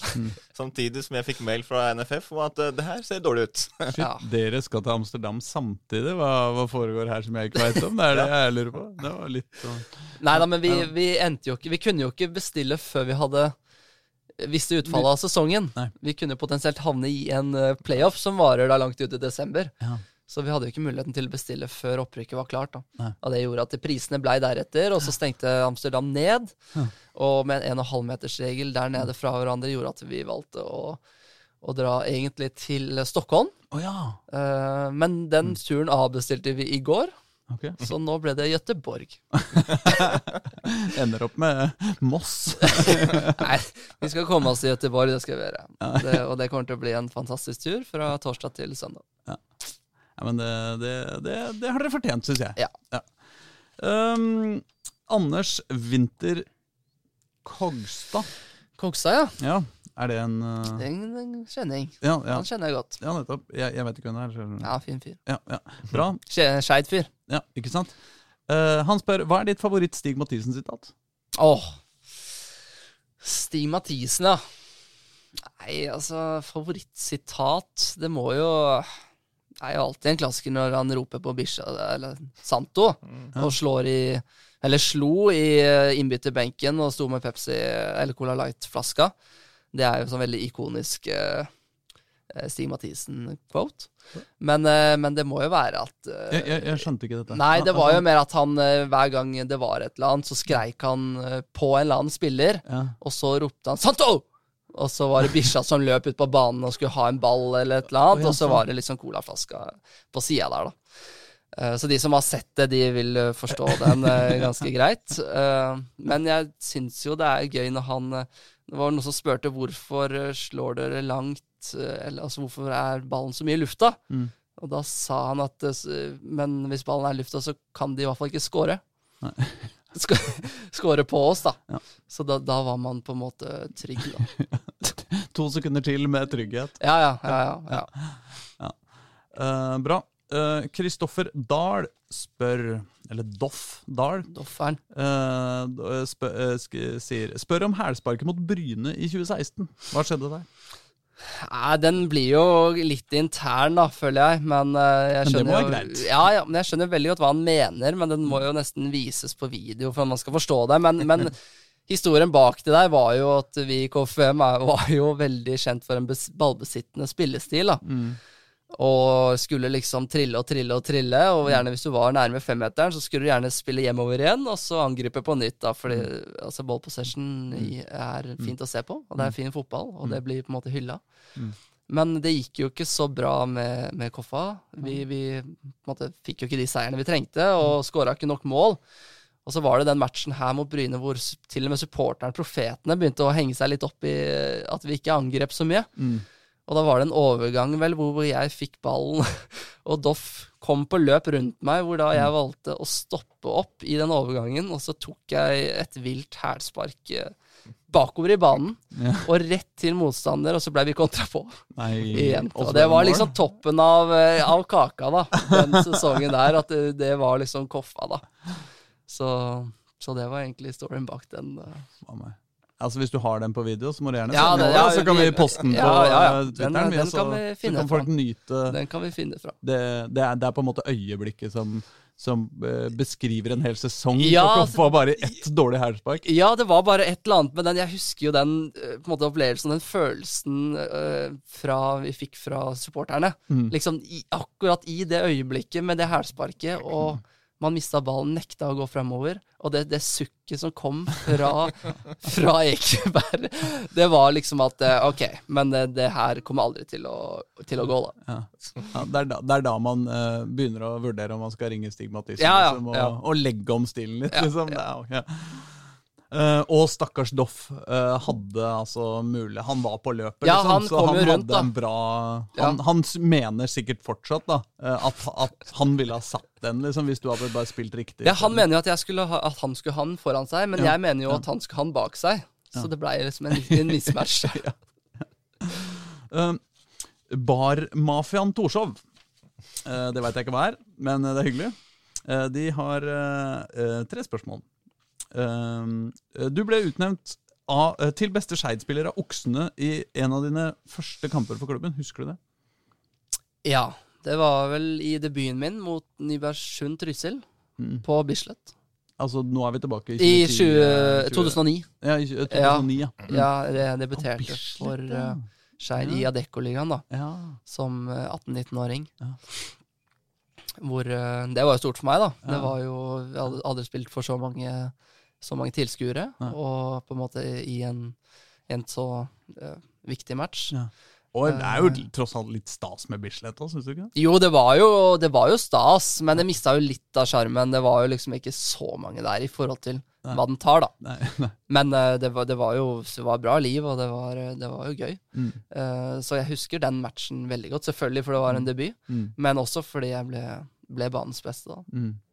Så den husker jeg godt. Hva skjedde egentlig den uh, sesongen der? For jeg så jo på det uh, Etter tre serierunder så hadde du tatt sju poeng, lå på annenplass. Ja. Og så kan vi vel si at uh, det kunne gått bedre. Det kunne gått Fordi- bedre. Jeg tror vi, vi endte vel på 18 poeng, tror jeg. Ja, 18 poeng. ja. Det Ja. var 21 poeng unna å klare dere. Så det, var, Ja. det var relativt Ja. trygg avstand Ja. for å unngå nedrykk. Men det var liksom det dere altså Etter den gode starten så, så fikk dere jo seks strake tap, og Ja. tapte ti av de elleve neste kampene. Ja. Var det liksom at dere liksom gikk ut i 100 og tenkte «Ah, woohoo», og så bare brukte alle kreftene, og så var det slutt? Jo, men det var veldig Det er helt riktig, det var veldig mye giv. Eh, altså, eh, helt i starten. Vi hadde jo syv poeng etter tre matcher. Ja. Og Skeid har jo vært i Eliteserien før, og man tenkte liksom at det her, fan, det her kan jo bli bra. Og, og det var, jeg husker det var god stemning i gangene, og liksom det, det var snakk om eh, Eliteserien og sånn, da. Men eh, den ballen ble jo raskt lagt død, da, etter hvert der, hvor vi hvor vi fant Vi hadde jo ikke bra nok lag. Vi, eh, vi vant selvfølgelig ikke nok matcher, og vi var jo ikke profesjonelle spillere, eh, noen av oss. Så det gikk jo som det gikk, dessverre. Hvordan er det å gå gjennom de der tapsperiodene der? Altså når dere Altså det eneste Ja. Dere, altså dere ikke, ikke, vinn, ikke engang greier å vinne, men altså dere har én uavgjort på elleve kamper og ti tap. Jeg, jeg, jeg husker det veldig godt, fordi det er, eh, det er litt sånn følelse som sitter ved deg når du tenker på det. Så når du nevner det, så veit jeg akkurat eh, på en måte hvor den skoen trykker ennå. Mm. Og det er veldig sånn jeg, Det var veldig sånn Når du begynte matchene, så gikk du egentlig bare og venta på når det første målet kom, da. Ja. Mot. Og det, det var tungt, altså. Det var, det var grisetungt, og det, det blei jo tap og tap og tap. Uh, og den tralten er vanskelig å komme seg ut av, da. Det er en mental prøvelse som er, eh, som er vrien. Da var du jo også veldig ung. Liksom. Hvordan var det? Altså, sånn, sånn. For Vi har jo sett på de opprykkene som dere har hatt. Altså I 2008, når dere gikk opp, så var du jo veldig ung. Ja? Og ja. nå er du en bær, bærebjelke på. Så jeg tenker at liksom, den gangen nå som du skal spille Obos-ligaen, Ja. har du jo en helt annen ballast med deg enn da du spilte Adeccoligaen den gangen. Og spesielt da når, du, når dere har liksom, tapsrekker med, med tid der. Ja, ja, Og absolutt. hvordan er det for en ung gutt liksom, å være med liksom, på det? Altså, ja, taper alt, liksom. Nei, jeg, jeg vil egentlig si det, det her kan være individuelt, men for min del så var det veldig sånn Man er ofte nervøs, da, eh, men du har ikke så stort forhold til det. Og det er mer sånn du, du forstår egentlig ikke helt hva du på en måte er med på. eh, og du har ikke så på en måte, nært forhold til det. Så det gikk ikke så inn på meg som det gjorde eh, når vi tapte noen år senere, da, og du har blitt litt eldre. Mm. Eh, men nå, den, hvis jeg ser tilbake på det nå, sammenligner nå, så har jeg jo en helt annen erfaring med meg, og måten man på en måte takler eh, medgang og motgang nå, er jo helt annerledes. Og jeg har hatt mye mer tryggere forhold til det. Mye mer avslappet og vet på en måte hvordan jeg skal reagere eh, i ulike situasjoner. Både før toppmatcher, før du slipper inn mål, eh, og før du, hvis du leder med en mot slutten og det koker ordentlig. Eh, de situasjonene der er mye, er mye tryggere da, på meg selv nå. Og føler at jeg kan tilføre laget mye mer da, enn eh, enn jeg kunne den gangen der. For da var jeg jo egentlig bare en høyrebekk Mm. som, eh, som var en del av elveren. Men det er kanskje noe med at når man er uh, sånn veldig ung uh, også, så Så er Altså, uh, i hvert fall eh, eh, Nå har ikke jeg spilt eh, toppfotball, men, men liksom at man føler ofte når man er veldig ung, at liksom Verden Altså, man er på vei noe sted, da. Man skal, man kommer til Man har på en måte ikke Man har aldri fått de slaga i trynet som, som gjør at man skjønner at ja, men livet er litt eh, noen opprykk og noen nedrykk, og, og så kommer vi oss videre, og så spiser vi frokost, og så for, Altså, hvis du skjønner Ja, mener, da. Mens når man er eh, 17-18-19 år, så, så tror man på en måte at alt går opp og fram. Ja, ja. Og man skal uh, Sjøl skal man til Real Madrid eller Barcelona. Skal, altså hvis du skjønner Ja, ja. Jo, jo, absolutt. Og det, Og det er de smellene vi har òg. Ja, ja, ja, det gjør jo det. Altså, jeg trodde jo Det var jo mye oppmerksomhet rundt meg, på den, for jeg var jo en ung, det er det jo rundt alle, som mm. en spiller fast på det nivået der. Mm. Uh, så jeg tenkte jo at en, Husker når det gikk mot nedrykk der, at eh, dette skal jo ordne seg for meg uansett, da, for jeg skulle jo opp og fram. videre, liksom. Ja, og det var liksom mye interesse der, og, og agenten sa liksom at dette, vi, vi ordner det her, selv om det går eh, feil vei, da. Mm. Um, så det, ja. Be- Altså, sånn sett så slipper du litt unna det også. Ja. Eller sånn at du tenker at ja, men dette dette er ikke Dette er, dette er laget, men, men jeg ja, ja, men det, uten å sette seg selv foran, men det er klart, Nei, nei, man, man ja. tenker jo det at det liksom Ja, det gikk ikke denne gangen, og man har fått Mm. opplevd det, men nå, nå er man klar for nye oppgaver, da. Mm. Um, flere spørsmål fra Barmafiaen. Eh, de, eller den, eller hva, uh, har en bestemt følelse av at det er mer humør i dagens Skeid-tropp enn noen gang de siste 25 åra. Er du enig i det? Ja, det er litt som jeg var innom i stad. I hvert fall bedre enn i 2018. Ja, jo da, men det, men det, det er helt, helt soleklart. Så den, det, er, det er gøy å se at den at folk utenfra ser det på samme måte som vi opplever det innenfra. Mm. Det syns jeg er veldig gøy, for det betyr jo at man, man gjør noe riktig Mm. Eh, Mm. innad. Mm. Så det, der skal på en måte trenerteamet ha mye av, av skryten for Mm. opplegget, selvfølgelig, de, de legger opp til, og måten de har satt sammen stallen på. Med, med riktige typer og riktig alderssammensetning og litt sånn. Altså en blanding av, av unge og litt eldre og en, en midtgruppe der.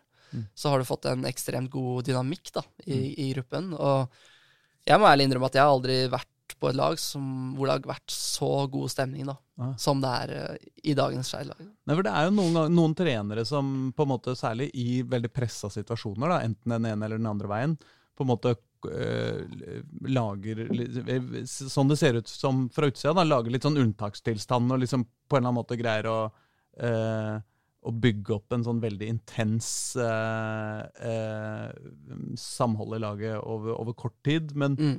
Med, for å redde en klubb fra nedrykk, eller når man skal gjøre en, annen- et eller annet sånn type grep. da. Um, det jeg tenker mest på, er kanskje nettopp Tom Nordli og Kjetil Rekdal og sånne Ja, type trenere. Som Ja, på en måte, hvor, du, hvor du ser liksom for deg at de kan lede en hvilken som helst spillergruppe ut utafor en klippe, hvis, de, hvis de virkelig vil. Mm. Ja. Eh, mens eh, mens uh, her er det kanskje bygd eh, over mer over tid? Ja, eller er det det, er en jo- sånn forskjell sånn?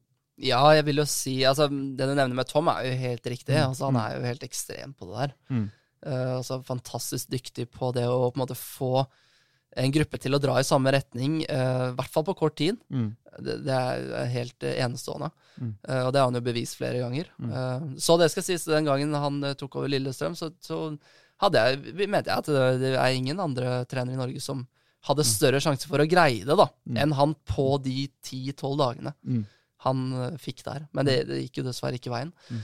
Uh, men uh, det prosjektet måte vi har startet nå med Gard og det, det Mm. trenerteamet, det har liksom vært et, et mer langsiktig prosjekt, kan du si. Mm. eh, hvor de har fått jobbet godt over tid. eh, og det har vi jo bevist også. Altså, vi tapte jo på målstreken i fjor, Mm. og så greide det i år. Ja. Og det, det gjør jo at jeg har sinnssykt tro på den gjengen her da, Mm. uh, i 2022. Mm. Fordi at jeg tror at vi bare kommer til å bli bedre og bedre. Og spillerne, de unge spillerne som er der, blir ett år eldre. Og med mer erfaring så tror jeg ikke man skal stå tilbake for så veldig mange i, i Obos-ligaen. Husker litt av den, det som Gard Halma og de har kommet inn og bidratt med. for Vi snakka litt om det et- forrige gang dere var der også, altså i Obos-ligaen.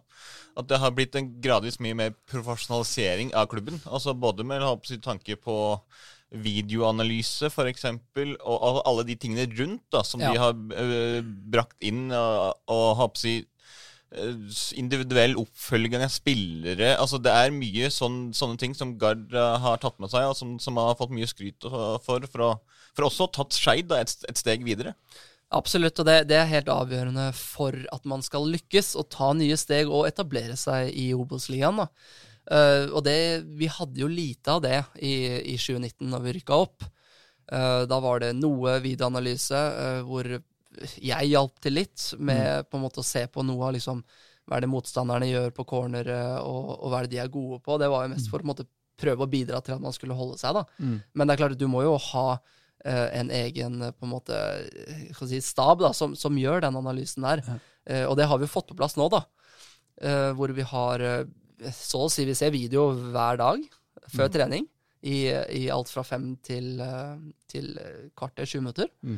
I tillegg til at eh, etter matcher har eh, trenerne gjort klar tre PC-er som vi har, som alle kan komme før trening og se på individuelle klipp av seg selv. Ja. Uh, hvordan man spilte matchen før. Mm. Og så er det mye analyse av oss selv, felles, eh, men også motstanderen. da. Så inn mot neste, neste kamp. Eh, og det er jo sinnssykt viktig informasjon som vi spillere på en måte ikke greier å tilegne oss i forkant på egen hånd. Mm. Så få den uh, informasjonen på en måte servert da, uh, sammen som en gruppe, er ekstremt viktig. Uh, og det, det tror jeg kommer til å være viktig neste år også. Mm. Så, så er det som du sier, altså klubben bygger jo stein for stein, og det er jo selvfølgelig en viktig stein. Uh, og så vil man se neste år, kanskje man er snakk om å få på plass noe GPS-tracking, ikke sant? og da tar man jo enda et steg Mm, videre. Så da. dere må begynne å trene med BH, dere også. Ja, det ser sånn ut hvis vi får det på plass, men uh, vi, vi får se hva, hva trenerteamet greier å trylle fram. Ja, ja, det er ikke som i gamle dager hvor mest uh, høyteknologien var temperaturen i radiatorene som man skulle Ja. sitte på før oppvarmingen. Tiger, smøre litt tigerbalsam. Tigerbalsam, ja, ja, ja. Eh, Det siste spørsmålet det har vi i og for seg vært innom fra, han, eh, fra vedkommende barmafiaen Torshov. Vi har vært innom det før, men likevel. Buksevann til Jesper Solli? Ja. Ja takk. Den, den gangen her så kan da Jesper få det. Ja, Det, ja. det er greit. Bra. Um, Jonny Normann Olsen spør uh, igjen, uh, har, noen flere spørsmål. Uh, hva syns du om treningshverdagen i Obos-ligaen 2018? Hint NIH. Den var jo ikke bra. Altså, vi Nei. hadde jo ikke noe bane etter hvert. Vi også tok jo en del poeng i starten av Obos-ligaen igjen, eh, med Skeid, hvor vi lå, lå på kvalik der tidlig i sesongen på hjemmebanen. Og det, det var jo en hjemmebanefordel vi hadde, da. Ja. Men eh, så ble vi jo kastet ut derfra og trente på NIH sin bane. Og det er klart, du, du mister så mye av, av, det, av det på en måte fellesskapet og den, de på en måte rutinene og den nærheten og sånn du har da til hjemmebanen din og treningsområdet. Ja. Og drive og trene der oppe med, med spydkastere og folk som hopper høydehopp og ja, hekkeløp og, og alt mulig da rundt deg, det var ja, det, det må nesten oppleves for å forstå hvor surrealistisk det var. Ja, for det er, det, er, det er da vi er på sånn her eh, Ja, nå må uh, Unnskyld, uh, Ja, ja. nå kommer det et spyd her. Ja, jo, det er jo det er ikke langt unna. Det er ikke langt unna og Folk som begynner å liksom varme opp inne på banen vår, og du må liksom gå ut og be dem fjerne seg, og, og den biten. Og så har du så garderober sammen med de som trener styrke oppe på NIH, da, ikke sant. Og det, det var Det var et sirkus uten like, ass. Det, samme var vel Hjemmebanefordelen hennes ble jo ganske klart en bortebanefordel. ja. Fordi det var jo kulere for folk eh, utenfra, i hvert fall Ja, ja. i- på det nivået, da, å komme til Oslo og få se liksom, fasilitetene til nyåpna Intility. Ja, ja. Som var, liksom, sånn, det var liksom, for alle motstandere var det nesten å, å, å reise inn til Oslo for å delta på cupfinalen. ja, ja. Mm. Mens for dere så var det liksom en bane som dere heller aldri hadde spilt på. Ja. Så så all, altså Når egentlig hjemmebanefordelen som skulle komme, dere var kjente, trygge omgivelser og sånn, så var liksom alle kampene bortebane for deres del òg. Og det Ja, ble jo det- null seire også den, øh, den høsten. Det ble null, det ble null seire, og det, det føltes som en bortebane. Så det er klart, altså, ferdighetene du, altså, som utspiller seg, de skal jo være like, og der var vi jo dårligere enn motstanderen eh, over en hel sesong. Men, eh, men det er klart, den hjemmebane-følelsen da, som man ofte har, og gjerne de lagene som ligger litt i bånn der, eh, den altså, det, var jo ikke, det var jo ingenting. Altså, Når du kommer inn i spilletunnelen, og det står Og så Vålerenga-logoer ja. overalt, Ja, ja. liksom, det, det kan jo ikke være helt Nei, så du følte jo at du spilte på bortebane hele sesongen. Og jeg, jeg, jeg er faktisk overbevist den dag i dag om at jeg tror vi hadde holdt oss uh, hvis vi hadde fått spille på Nordre Åsen. Mm. Det tror jeg faktisk. Men det får vi aldri vite. Men eh, det håper jeg jo inderlig ikke skjer eh, neste år. Og der håper jeg jo selvfølgelig at eh, ja, at det bymiljø eller kommunen kommune eller hvem det nå er som har dette ansvaret, virkelig ser seg i speilet og, og tar litt ansvar her, da. ja, ja. Hvis vi har, vi har holdt på litt over en time, så hvis vi skal begynne å snakke om det, så tar det en time Ja, ja, ja, det skal, vi skal ikke legge oss inn på det der. Det er Men, eh. Men, men dere hadde jo altså Den gangen så ble det jo bare åtte poeng. Ja. Eh, altså unna og bergeplassen. da. Mm. Så hvis dere nå Hapsi si, gjentar forbedringen Ja. med, med de 13 poengene som det jo var eh, fra 2009-sesongen, så skal jo nå berge plassen da, logisk sett med fem poeng. Ja, ja. Så dere får ta med det. Ja. ta med liksom en like god forbedring neste gang, så skal dere berge plassen i gangen her. Ja, men jeg syns jo Nordre Åsen har blitt, det har blitt en hjemmebane nå. Da. Det begynner å Mm. se ut som et eller annet. Eh, og det er, det er flere barn på matchene, og det er mer liv på matchene. Nå var vi jo nesten 1000 forrige match. Mm. Selvfølgelig, for det var en viktig kamp. Men i, i Obos-ligaen så tror jeg vi fort kan ende opp på 1500 hvis vi får plass til det. Og det, der tror jeg det kan bli god kok da, på, Ja. på hjemmekampene. Ja. Nei, det, det altså Bare Oslo-kampene blir jo selvfølgelig eh, Ja, ja. Kjempe, kjempemoro til neste år. Mm. Um, så det, det blir bra. Jo, uh, Norlink86 eh, spør uh, det mest uh, åpenbare spørsmålet av alle. Har du prøvd pelsen? Den har jeg ikke fått prøvd. Nei. Daniel Strand har eh, den gjemt et eller annet sted på Nordre Åsen. Ja, altså, eh, dette er Leif Hagens avgåtte pels, egentlig, er som er funnet ja. i, eh, i, i, i dødsboet hans. Det er helt riktig. og, og daglig leder har, har bare gjort den til sin Ja, ting. ja. Det er åpenbart. Vi har ikke sett noe til den, i hvert fall. Nei. Så det får nesten han svaret på. Det kunne jo være et alternativ til radiatoren eh, på, for oppvarming på litt sånne, Ja. litt sånne tunge høstkamper. Ja. um, jeg har et spørsmål også. Ja, Eh, eh, du har oppretta scoutingfirma. det stemmer. Er det, er det driver du med er, du, er du speider på fritida, eller har du planer planer om å bli speider? Jeg var for noen år siden oh, ja. uh, hvor jeg har et eget firma. Eh, Mm. Jeg jobbet for et stort analyseprosjekt for Arsenal Mm. tidligere, Mm. eh, i regi av NIH. Mm. Eh, så da måtte man ha et enkeltmannsforetak. Og så var eh, litt av eh, min tanke var kanskje å bli eh, speider. Mm. Eh, Men hva, hva gjorde du for Arsenal? For Arsenal så Ja. så vi på alle Det er litt sært eh, område, men Mm. eh, det er en veldig stor og internasjonal artikkel som blei ut av det. Mm. Men vi så Vi filma alle hjemmekampene. Eh, vi Til film- Arsenal? Ja. Ja. Vi filma alle eh, spillerne med nærkamera. Mm. Og vi telte alle hodebevegelsene, altså i de skannene eh, de gjorde før de fikk ballen, Ah. for å orientere seg. Ah. Og så på en måte så man på prestasjonen deres da, for å se om det å orientere seg mye før man mottar ballen, om det har en effekt på prestasjonen sin. Ja. Så det var et ekstremt kult uh, prosjekt å være med på. Og få liksom være med på å jobbe så tett på Arsenal. Og det var ikke jeg som presenterte hovedtallene, men det var eh, professor Geir Jorde. Eh, Men å presentere en måte, de funnene for Arsene Wenger eh, selv, da, det var, eh, Ja. det var kult. da. Hva, hva, hva, hva, var hoved... Kom man fram til at det hadde noe å si? Ja, ja, man gjorde jo det, da. Så konklusjonen var jo det man trodde. Men at eh, jo oftere du ser deg rundt deg, mm.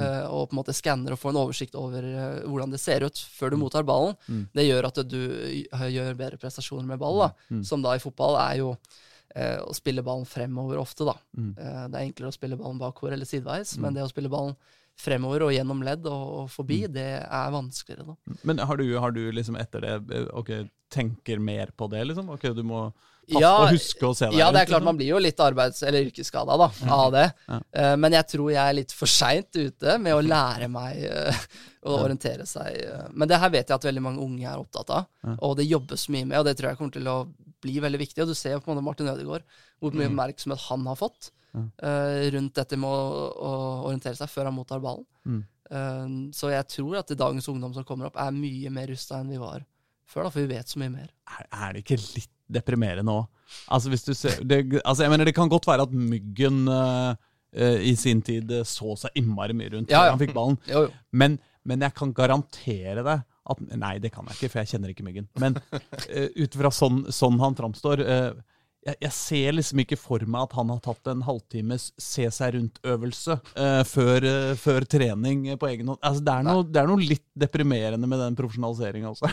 Ja, ja, ja. Alt man skal liksom ja men, ja, men skal man ikke flagre litt? Og, Ja, jeg, jeg skjønner hva du mener, men det er klart jeg tror jo treningsarbeidet nå, Mm. Uh, den dag i dag, det er bedre enn det var før, Ja, når Myggen vokste opp. Så absolutt. kanskje Myggen kunne blitt enda bedre hvis han hadde Ja. hatt disse øvelsene. Men hadde det eh, vært, vært verdt det? Jeg er usikker. Ja, jeg er litt usikker, jeg også. Uff, nei, det ble deprimerende. Eh, men, men, eh, men du ser for deg å, å jobbe som, som scout, liksom? Ja, og så etter, etter det prosjektet så jobbet jeg eh, jo eh, eh, Ble henta inn av Lars Kjernås Mm. i Vålerenga sitt eh, scouting ja. sin scouting-satsing. Ja, fordi han hadde sånn masse scouts under seg. Han Ja, var, ja, han han var scout. sjefscout, altså Mm. hadde han flere scouter under seg som hadde ansvaret for ulike deler av Norden. Mm. Eh, Sverige, Danmark og de to øverste divisjonene, og Mm. full kontroll på Norge. Mm. Så planen var jo å bygge et stort måte, arkiv og eh, Mm. ja, kunnskap, da, en database om, Mm. om Norden, først og fremst. Hva hadde du ansvaret for der? Jeg var i Danmark. Ja. jeg hadde førstedivisjon i Danmark. Og, så hadde jeg Obos-ligaen i 2019, Ja. når jeg selv spilte der. For da fikk jeg jo møte spillerne Ja. face to face. da. Så det var jo utrolig kult å, å være med på, Mm. eh, og ga meg jo mye erfaring eh, Mm. om norsk fotball generelt. Så jeg visste jo om samtlige spillere jeg møtte, Ja. eh, og kunne på en måte Hadde litt koll på dem på forhånd, ja, ja, ja, ja, helt klart. Men eh, så ble den uh, satsingen oppløst. Mm. Eh, så nå har jeg egentlig bare hatt noen småprosjekter på siden. Mm. Eh, men i fremtiden så er jeg ikke fremmed for å kanskje jobbe som det. Mm. Men uh, så lenge jeg spiller selv nå, så konsentrerer jeg meg om det. Og spille. Nei, det er liksom litt rar dobbeltrolle, eller? Ja, både òg. Det er ikke sånn at folk spiller ekstra bra mot deg fordi de vet at kanskje Jeg, tror- jeg tror ikke det er så mange som vet at jeg jobber som det. Så Men det spilte du inn noe til Vålerenga som, eh, som skjedde? Ja, jeg, jeg hadde en del spillere som jeg meldte inn, Mm. Uh, men det var ingen av dem det, det ble noe av til slutt. Nei. Øh, men det kan være ulike grunner til det, altså. Ja, ja. Og det er jo, man er, det er jo litt konfidensielt, navn og sånn. Mm. Uh, men uh, ja, det får bli med det. Men det er, det er moro? Det var kjempegøy. Mm. Og det å jobbe måte, med en toppklubb på det området her, er, Mm. er kjempegøy. Mm. Fordi Norge har ikke, har ikke så mye penger, og det er lite penger til å måte, bruke på dette området. Det er ikke veldig Mm. mange som har en dedikert eh, scout eh, til å hente spillere. Da. Så å være først ute på det var gøy å være med på, men Mm. så får vi se om det Mm. kommer noen andre lag etter. Ja. ja det, er, det, er ganske, det er ganske trangt uh, måløye å få Ja, ja, Nåløye heter det. Det, det er ikke så mange jobbene, det. Nei. Men uh, det er jo en prioritering òg, da. Uh, som jo på en måte Altså alle, man, man vil jo alltid prioritere alt. Ja. Men, uh, men speidervirksomhet har vel stort sett vært på en måte prioritert lavt. Ja da, det har vært en, eh, en sidejobb, altså. Jeg har på en måte Ja. hatt fulltidsjobb ved siden av. Ja, men nå mener jeg, fotball. jeg for klubbene. Altså. ja, ja, ja, ja, klart. Men det er kanskje Altså, jeg mener, det er jo Virker jo liksom ikke så dumt heller. Altså, å prioritere det lavt. Altså, det, på en måte Klisjeen om speidere er liksom ikke sånn han som reiser til eh, det dypeste Afrika og finner Ja, unge ja. talenter Ja. som du skipper til Norge, og som eh, Altså, hvis du skjønner. Det, det er jo noe med at uh, uh, Kjelsås greier å finne gode spillere på Kjelsås, og Skeid greier å finne gode spillere på Ja. Ikke sant? Altså, Altså, så, hvert- så lenge du på en måte har Hver klubb har på en måte call på sine lokale spillere, da. Det Ja. burde du først og fremst ha. Ja. Eh, men så opplever jeg at veldig mange bruker typ agenter Mm. til eh, nettopp det her. Mm. Ikke sant? Altså, Ja. Kjelsås prater heller med en agent for å få uh, tilbudt en spiller, enn å få hjelp av en scout som jobber med det på fulltid. Ja. Um, så det, på det nivået der så vil jeg jo tippe at uh, agenter spiller en større rolle. da. Ja. Og det har jo blitt fryktelig mange av i Norge. Ja. Etter at både på den agentlisensen forsvant, og du trenger bare å være en, hva er det der for noe spilleformidler, eller eh, Ja. den biten der. da. En hvilken som helst idiot kan uh, si Ja, i utgangspunktet så kan du jo det, da. Mm, mm. Men eh, det er vel ikke alle som signerer for en hvilken som helst idiot. Nei, men uh, hvis uh, jeg uh, ringer til Ja, så la oss si Strømmen, da. Mm. eh, I morgen også så sier jeg at jeg representerer deg, og jeg har en skikkelig, Ja, ja. kan skaffe dem en skikkelig god deal. Ja, ja. Og så sier de å ja, ja, ok, men får jeg han for, for eh, 300 000, så, så, så er vi fornøyd med det, sier Strømmen til meg da. Ja. Og så går jeg til deg og sier hei, du, jeg har en skikkelig god deal. og så med Strømmen er det hypp og Strømmen. Altså, så- ikke sant? Så kan jeg på en måte være den agenten, sjøl om ingen på noe tidspunkt Ja, ja. har liksom sagt det er greit. Selvfølgelig. Altså, og er, sånt, eh, sånt er det jo gjerne, er det ikke det? Jo. Eller sånn. Jo, jo, det er jo det. Mm. Det er, det er akkurat sånn det fungerer. Mm. Så du, du trenger ikke være Ernstein for å, for å greie deg, men du må på en måte ha en, eh, en spillergruppe, da. Altså en, eh, hva skal vi kalle det, en, eh, ja, en base, da. Mm. Med, med spillere som er gode nok, da. Og det er jo det vanskelige. Det er der det er trangt om nåløyet, da. Ja. Det å liksom Ofte så har du mange i Post Nord, kanskje tredjedivisjon. Og det å på en måte få pusha dem opp til å bli fulltids-, heltidsproffer, så du faktisk kan tjene penger Ja. på dem, da, den, den er vanskelig. Den er vrien. Mm. Så det gir jo først avkastning når du virkelig får en som eh, kommer høyt opp i systemet. Mm. Har du noen, er, er det noen Har du liksom, signert ser av? Stensrud? Nei, nei, ja.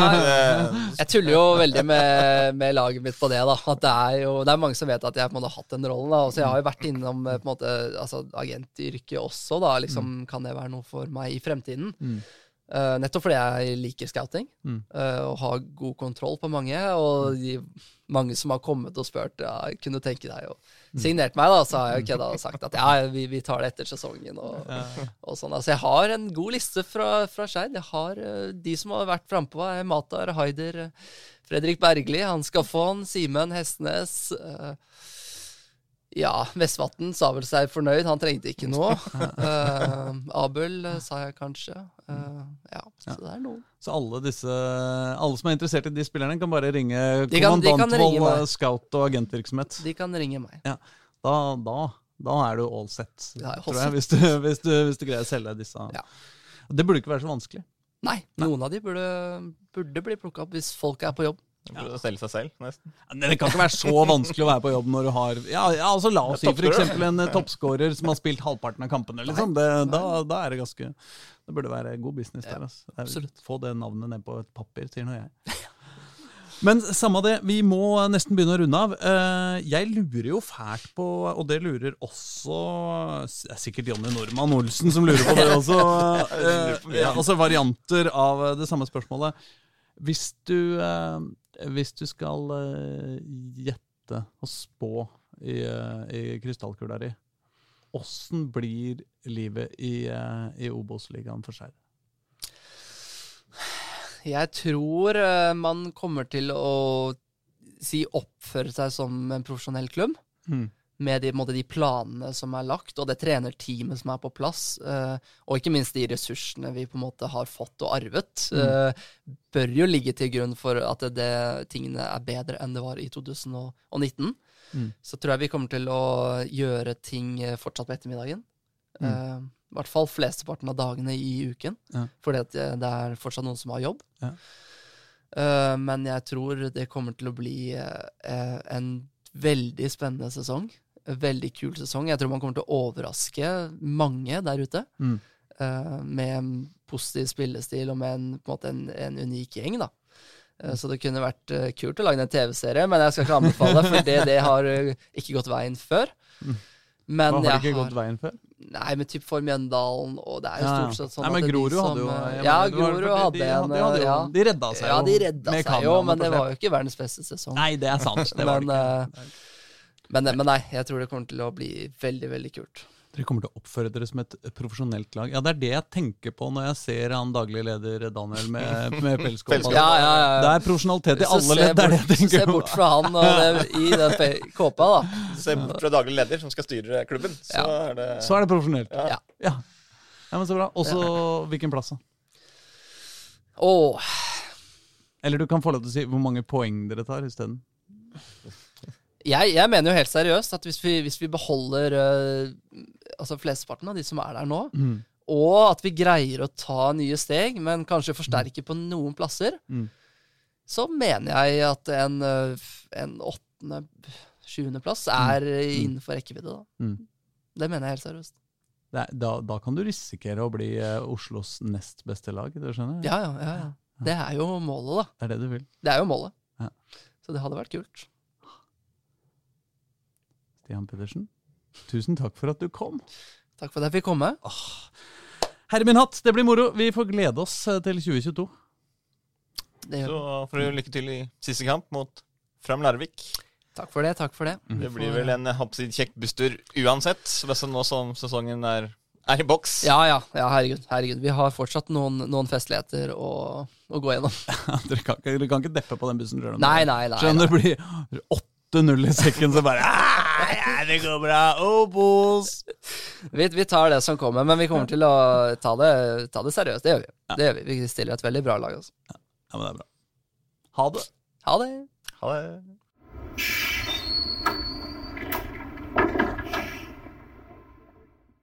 Du har hørt en podkast fra Dagsavisen. Ansvarlig redaktør heter Andreas Heen Haaland Karlsen.